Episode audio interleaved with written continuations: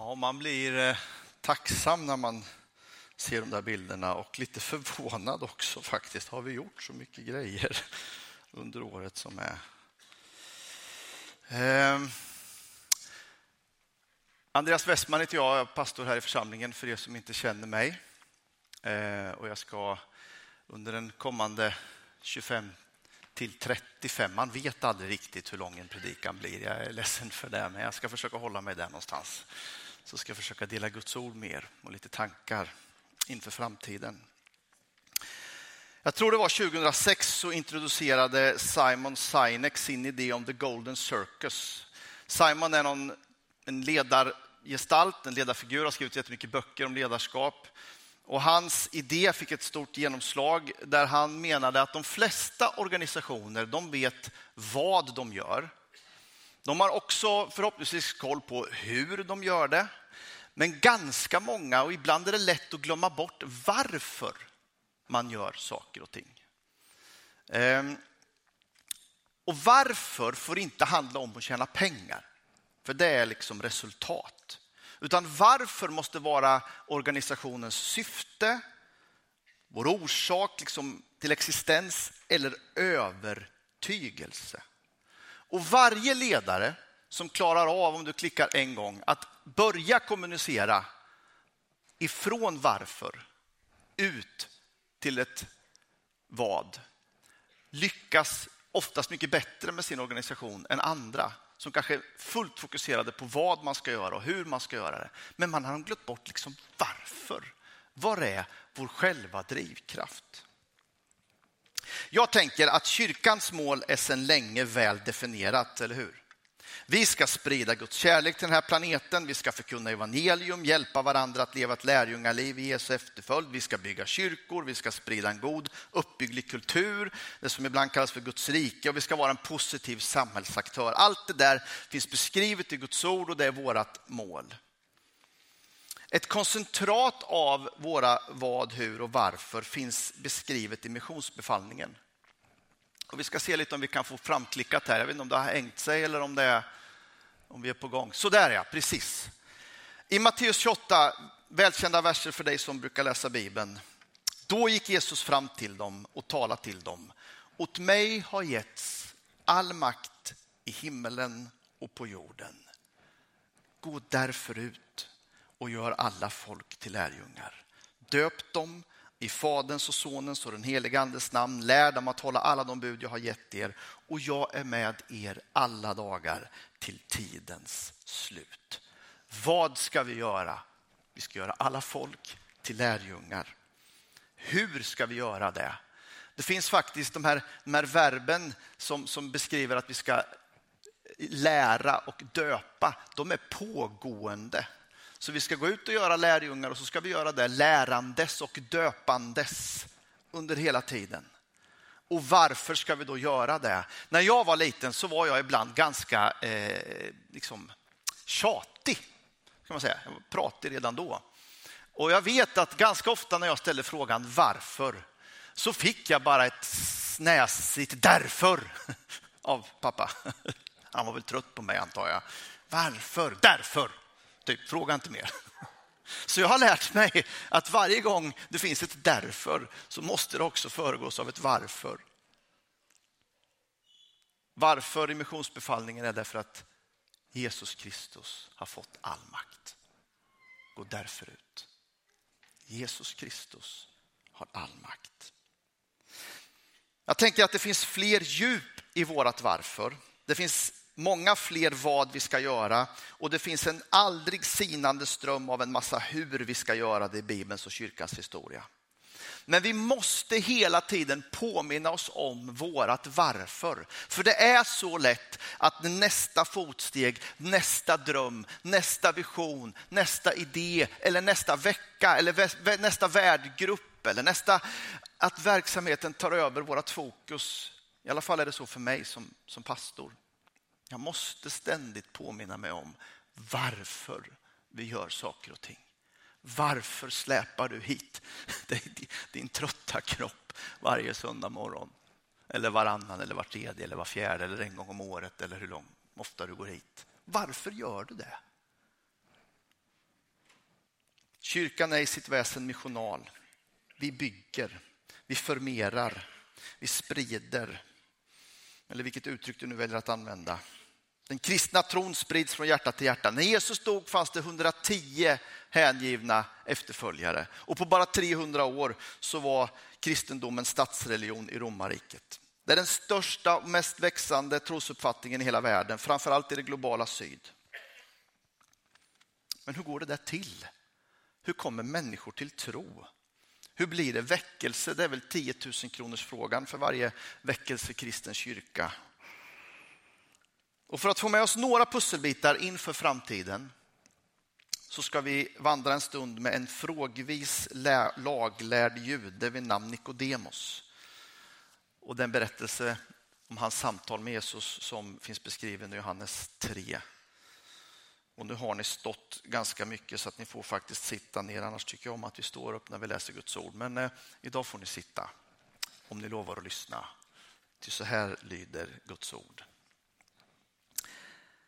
Bland fariseerna fanns en man som hette Nikodemos och var medlem av judarnas råd. Han kom till Jesus en natt och sa Rabbi, vi vet att det är från Gud du har kommit som lärare. Ingen kan göra sådana tecken som du utan att Gud är med honom. Jesus svarade, sannerligen jag säger dig, den som inte blir född på nytt kan inte se Guds rike. Nikodemus svarade, hur kan någon födas när han är gammal? Han kan väl inte komma in i moderlivet och födas en gång till? Jesus svarade, sannerligen jag säger dig, den som inte blir född av vatten och ande kan inte komma in i Guds rike. Det som har fötts av kött är kött och det som har fötts av ande är ande. Var inte förvånad över att jag sa att ni måste födas på nytt. Vinden blåser var den vill och du hör den blåsa men du vet inte varifrån den kommer eller vart den far. Så är det också med var och en som har fötts av anden. Nikodemus frågade, hur är detta möjligt? Jesus svarade, du ska vara lärare för Israel och förstår inte det. Sannerligen, jag säger dig, det vi vet förkunnar vi och det vi har sett vittnar vi om. Men ni tar inte emot vårt vittnesbörd. Om ni inte tror när jag talar till er om det jordiska, hur ska ni då kunna tro när jag talar till er om det himmelska? Ingen har stigit upp till himlen utom den som stigit ner från himlen, Människosonen. Liksom Mose, hängdes upp, liksom Mose hängde upp ormen i öknen så måste Människosonen upphöjas för att var och en som tror på honom ska ha evigt liv. Så älskade Gud världen att han gav den sin enda son för att de som tror på honom inte ska gå under utan ha evigt liv. Ty Gud sände inte sin son till världen för att döma världen utan för att världen skulle räddas genom honom. Den som tror på honom blir inte dömd, men den som inte tror är redan dömd eftersom han inte har trott på Guds enda sons namn. Och detta är domen, att när ljuset kom in i världen, då älskar människorna mörkret mer än ljuset, eftersom deras gärningar var onda. Den som gör det onda avskyr ljuset och kommer inte till ljuset för att hans gärningar inte ska avslöjas. Men den som handlar efter sanningen, han kommer till ljuset för att det ska bli uppenbart att han gör vad Gud vill. Herre Jesus Kristus, jag ber att du ska välsigna ditt ord, plantera det i våra hjärtan och göra det du vill att det ska göra med oss, påverka vår inre människa. Hjälp oss att söka dig i allt. Amen. Jag skulle vilja börja med att reflektera någonting kring det här med alla frågor som Nikodemus har i mötet med Jesus. Nikodemus han har anat någonting. Han har samtalat med sina kollegor. Vi förstår, sa Alltså de har liksom haft ett kollegialt samtal, de lärde. Vi förstår, du måste ha med Gud att göra. Och hans nyfikenhet det han förstår, det för honom närmare Jesus. Men han är ljusskygg. Han kommer om natten. Och jag tror inte att det står där utan orsak. Det var faktiskt så att rabbinerna brukade studera skrifterna om natten. Jag vet inte om det är särskilt lugnt eller varför man gjorde så, om det var klimatet som gjorde att det var behagligare att sitta upp och läsa om nätterna. Men det fanns en tradition av att göra det. Eller så Är det en metafor för det andliga mörker som Nikodemus befinner sig i, att han inte riktigt hittar fram?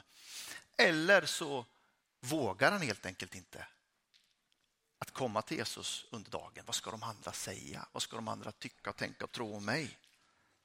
Orsakerna till varför vi kommer till Jesus, varför vi väljer att närma oss Jesus kan vara lika många som det finns människor i det här rummet. En del har blivit hitsläpade till kyrkan och sina föräldrar sedan man var små. Ganska många av oss har det så. Och så har vi upptäckt någonting. Andra har haft en livskris, andra är nyfikna, andra upplever liksom någonting där inne som ropar bara efter Gud. Berättelserna ser olika ut. Men det är frågorna som driver oss. Vad menar du med att födas på nytt? Hur kan någon födas när han är gammal? Hur är det här möjligt? Att födas på nytt, kan jag få ett nytt liv? Med den frågan, hur är detta möjligt? Så lämnar faktiskt Nikodemus scenen för ett tag. Han kommer tillbaks.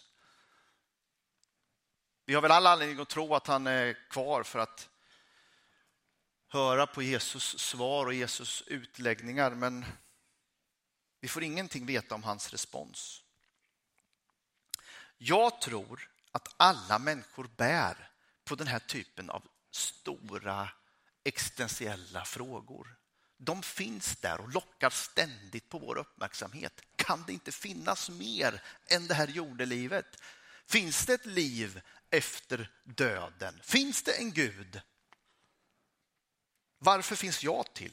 Varför är tillvaron så orättvis? Och det är därför vi har Alfa som en gemensam jakt efter livets mening. Ett fantastiskt verktyg. Och ni har redan hört mycket reklam om det idag, men jag, när det var så mycket frågor i den här texten och Alfas logotyp är ett frågetecken så tyckte jag att jag ville knuffa för det en gång till. Jag vet inte varför vi så sällan vågar att närma oss de här frågorna i vårt land. Kanske är det för att kyrkan eh, lever en ganska undanskymd tillvaro. Eller så fyller vi livet med annat. Det kanske är en medveten eller omedveten flykt undan det som egentligen lockar och kanske skrämmer lite. Finns du Gud? Åh, har ni sett? Jonas och Mark har skilt sig. Och så scrollar vi vidare och låter allt annat ta över. Att våga stanna upp i frågorna. När judarna på Jesu tid skulle samtala om teologiska ting så använde de nästan uteslutande frågor. Och den här traditionen lyser igenom i Johannes text när det står att Nikodemus svarade. Hur kan någon födas när han är gammal? Alltså, ett svar kan vara en fråga. Och frågorna för dig vidare. Var inte rädd för frågorna. Var inte rädd för ifrågasättandet. Ställ dem, låt dem leda dig. Låt dem vara din liksom plogbill in i det här livet. Det gäller dig som har varit kristen länge. Fortsätt och ställ dina frågor. Fortsätt och sök. Varför tillhör jag kyrkan? Vilket uppdrag har jag här egentligen? Vad vill Gud med mitt liv? Hur funkar det att be? Vi är alla människor och vi bär livets stora frågor. De bubblar inom oss. Och jag hoppas och tror att vi kan skapa rum för det i vår gemenskap. Sen finns det någonting annat i den här berättelsen som faktiskt, jag har valt att säga just berättelse. Det är våra berättelser. Som pastor och predikant så kan man ju lockas att tro att det är alla predikningar som är kyrkans starkaste röst. När vi förkunnar Guds ord. Det är viktigt. Att komma hit, lyssna på en predikan, fylla på sin inre människa med Guds ord, det är en omistlig del av lärjungaskap. Vi tror i en mening tillsammans. Men när det gäller att sprida evangeliet så är den personliga berättelsen viktigare än allt annat. En pastor eller präst som representerar kyrkan kan och bör ifrågasättas. Men en personlig berättelse den är svår att värja sig ifrån. Det är ju din story med Gud. Notera att även prästen och pastorn har en personlig berättelse och det är väl när man predikar utifrån den som det blir bra. Men vad är din berättelse? Notera här, jag vet inte om du tänkte på det i texten, men, men helt plötsligt så börjar Jesus tala i vi-form. Johannes han noterar ett uttryck från Jesus som han sen använder i ett av sina brev. Helt plötsligt så, så talar Jesus i vi-form med Nikodemus. Sannerligen, jag säger dig, det vi vet förkunnar vi. Det vi har sett, det vittnar vi om. Varför säger Jesus så helt plötsligt? Det är bara han där.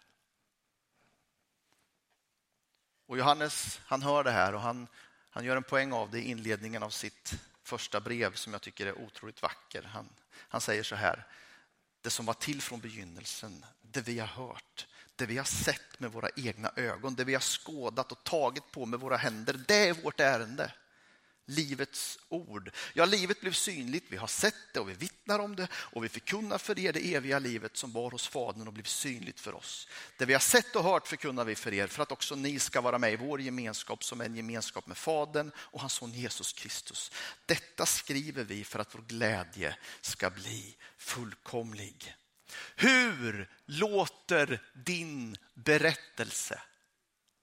Vilket är ditt vittne? Vittnesbörd om kyrkans budskap ska höras i den här staden. Även om jag har tillträde till mikrofonen och megafonen och hemsidan och Youtube och allt det där, alla de här kanalerna vi har. Jag vet, jag står där ofta och talar, men ditt vittnesbörd är mycket starkare.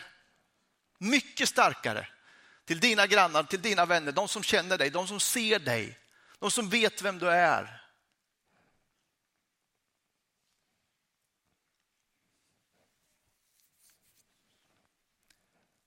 Det fina, vet du, det är att när du berättar din berättelse, då säger Jesus, det där är också min berättelse.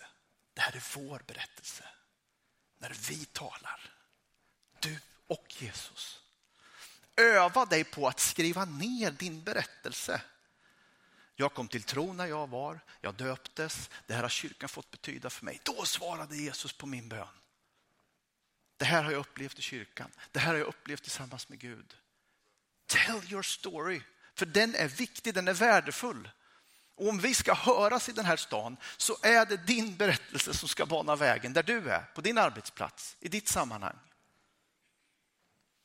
Gör nu inte som många av oss ibland gör.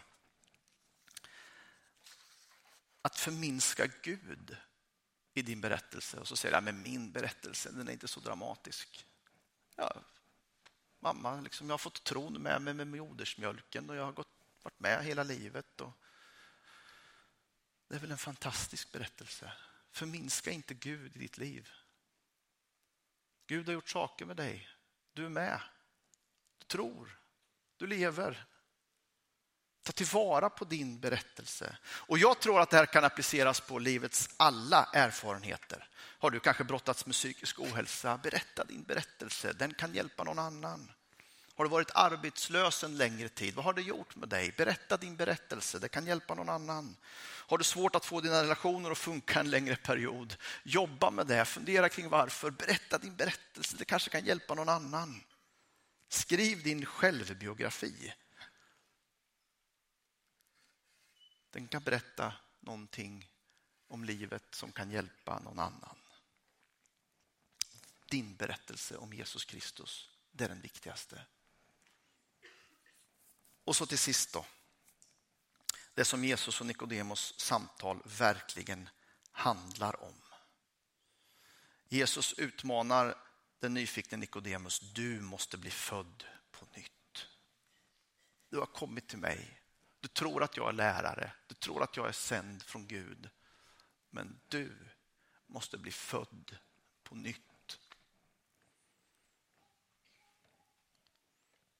Hur ska det gå till, säger Nikodemus. Det är en andlig pånyttfödelse, Nikodemus, inte en fysisk. Det som är kött är kött. Men du måste bli född på nytt av den helige anden. Hör du inte, känner du inte, det är det som bultar inom dig. Och dopet. Du ska bli född genom ande och vatten.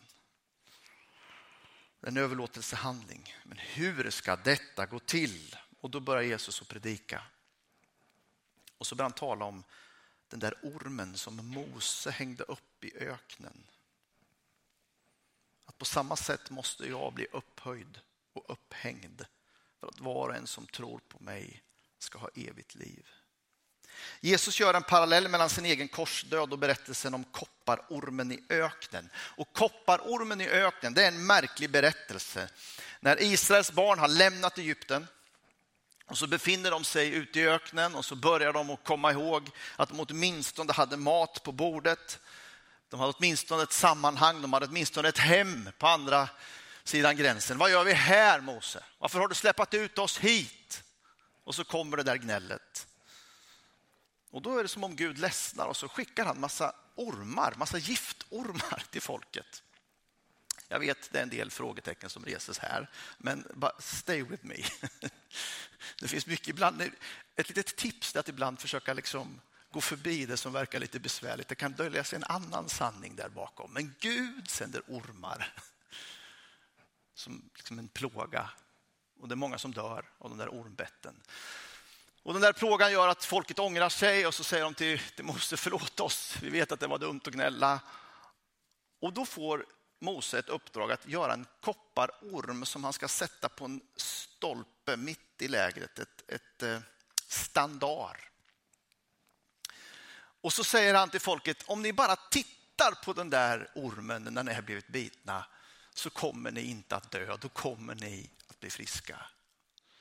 Jag tycker, är inte det här väldigt märkligt? Att Gud, både den som sänder straffet och den som fixar, liksom, det verkar bökigt på något sätt.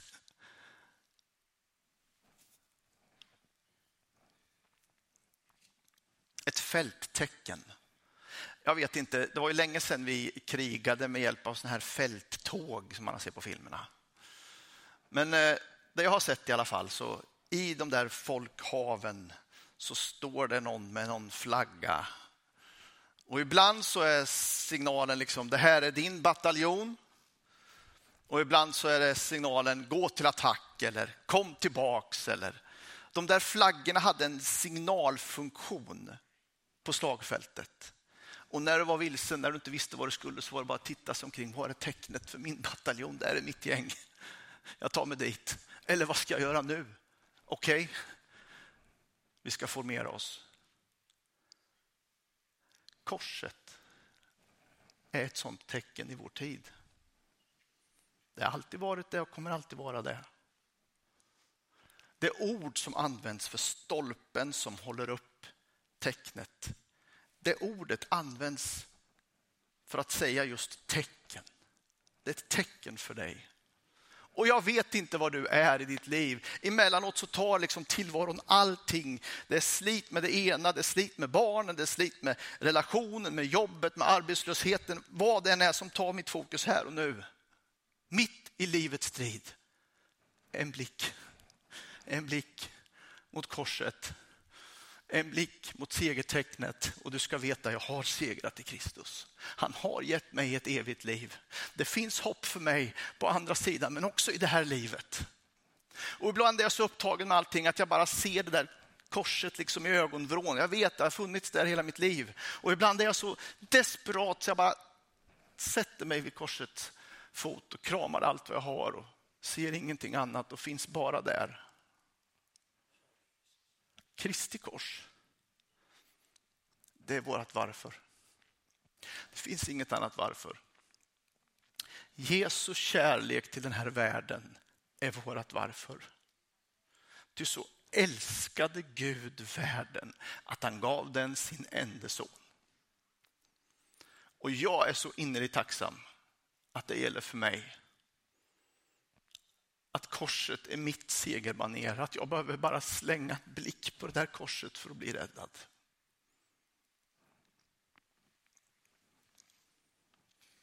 Utan synden så blir talet om korset helt obegripligt. För Gud är både domare och befriare. Gud gör upp med ondskan i den här världen. Han erbjuder alla en väg ut. Och när jag ser min omvärld idag så tänker jag så här, tack gode Gud för att du kommer göra slut på ondskan. Tack gode Gud för att du har din skapelse i din hand. Tack gode Gud för att du ska förinta alla orättvisor. Det är Gud som dömer. Men jag måste också våga låta blicken rikta sig mot sig själv, mig själv. Synden är som ett virus och det har drabbat mig och det drabbar oss alla på olika sätt. När vi var tillsammans på Pingstpastor så stod Dennis Mukwege där och så viftade han med sin mobiltelefon och så sa han det är de här som gör livet till ett helvete i Kongo. Det är de här som skickar små barn in i mineralgruvorna i vårt land det är det här som sliter sönder oss. Och vi hade alla en mobiltelefon i fickan. Det går inte att köpa en, en elbil eller en telefon idag utan att bli med i någonting som man inte önskar och som man inte vill. Det liksom kladdar sig fast. Och ibland är synden än mer konkret än så. Då är det mina aktiva handlingar som leder så fel, som förstör för mig själv och som förstör för den här världen. Men det finns ett fälttecken rest. Mitt i striden. Ett kors. Och det räcker att blicka mot det där korset så tar han min dom på sig. Hans död blir min frihet. Detta är vad Martin Luther kallade för det saliga bytet. Han tar min synd och jag får hans rättfärdighet. Det är vårat varför. Ty så älskade Gud världen att han gav den sin enda son. Varför delar han ut mat och kläder till de som inte har något? Därför att Gud älskar dig. Varför sätter ni upp ett härberge varje år för att stötta utsatta EU-medborgare? Därför att Gud älskar alla människor. Varför sliter era volontärer fredag ut och fredag in med våra barn och ungdomar? Därför att Gud älskar alla barn och alla ungdomar. Varför samlas ni till gudstjänst? Därför att Gud älskar den här världen. Varför skickar ni 10 procent av era insamlade medel till utvecklingsländer? Därför att Gud älskar den här världen. Varför fortsätter ni att dela er berättelse om er tro? Varför predikar ni söndag ut och söndag in? Det är ju ändå ingen som lyssnar ungefär. Därför att Gud älskar den här världen. Varför försöker ni omvandla Stadiongatan 25A till en samlingsplats för hela människan? Därför att Gud älskar hela människan. Det är vårt varför. Det finns inget annat. Jag vet att den där applåden är väldigt mycket större från hjärtat. Jag, jag frågar inte efter den nu, men jag, jag vet att ni är, ni är med mig. Jag vet det. Vi får inte glömma det. I alla våra drömmar och visioner, i alla våra strategier, i alla våra målbilder och allt vi vill göra, allt vi vill ta oss för, så får vi aldrig glömma att orsaken till allt är att Gud älskar den här mänskligheten och han har rest ett kors som ett stridstecken, som ett fälttecken för alla oss som kämpar, för alla oss som sliter. Och det är bara att titta på det där korset. Kom till mig. Nikodemus, han dyker upp en gång till i Johannes evangeliet. När Jesus ska begravas efter sin död. Vi vet inte vad han kom fram till. Vi vet inte hans omedelbara respons på Jesu uppmaning om att han måste födas på nytt. Men jag tycker mig ana i berättelsen om Josef och Nikodemus i Johannes 19. Det står så här, Josef från Arimataya som var lärjunge till Jesus, fast i hemlighet av rädsla för judarna, bad efteråt Pilatus att få ta ner Jesu kropp. Pilatus tillät det. Och Josef gick och tog ner kroppen. Nikodemus kom också dit, han som första gången hade sökt upp Jesus på natten. Och han hade med sig en blandning av myrra och aloe, omkring 30 kilo. De tog Jesu kropp och lindade den med linderbindlar tillsammans med kryddorna, så som judarna brukar göra vid gravläggning. In till platsen där Jesus hade blivit korsfäst fanns en trädgård och i trädgården en ny grav där ingen ännu hade blivit lagd. Och där la de Jesus eftersom det var den judiska förberedelsedagen och graven låg nära. Nu var frågornas period över för Nikodemus. Han kunde inte längre föra några samtal med Jesus. Det som sker nu är närmast en överlåtelsehandling, en kärleksgärning. Han överlåter sig till Kristus. Han släpar på de där kryddorna och blandningen, 30 kilo. Det är liksom inte någon liten, det är en säck. Jag kan inte tänka mig någon intimare handling än att lägga Jesu döda kropp där. Och två män i tystnad liksom gör i ordning den för, för graven. Han trodde. Han hade blivit född på nytt. Han ville ge sin ömhetsbetygelse till Jesus. Han hade säkerligen kvar massvis av sina frågor. Han hade säkert fått nya frågor. Men nu gav han sig själv till Kristus. Och det där miraklet, när det händer i mitt eget liv, i andra människors liv, i fler människors liv i Malmö, det är vårt varför. Det är vårt existensberättigande. Det är därför vi finns till. Människor som har ställt frågor, men som en dag böjer knä och säger Jesus Kristus, du är Herre. Vi vet att du var sänd från Gud och du är Messias, den levande Gudens son. Jag blickar upp mot ditt kors och jag vet att jag kommer att bli räddad en dag. Om inte nu så senare. Du har mitt liv i din hand. Evigheten är till för mig. Det finns massvis med andra frågor som vi kan brottas med och som vi kan fundera på, som vi kan ställa och som vi ska ställa. Men det här, det är det viktigaste. Kristi kors och det han har gjort för oss. Amen. Herre Jesus Kristus, jag tackar och lovar dig för att du är den som hör vår bön. Du är den som har rest ett kors i våra liv. Du är den som har talat till oss, du är den som har berört oss. Och jag ber att vi ska återupptäcka det där korset, Herre. Jag ber att vi ska få böja våra knän vid det där korset allt oftare. Jesus Kristus.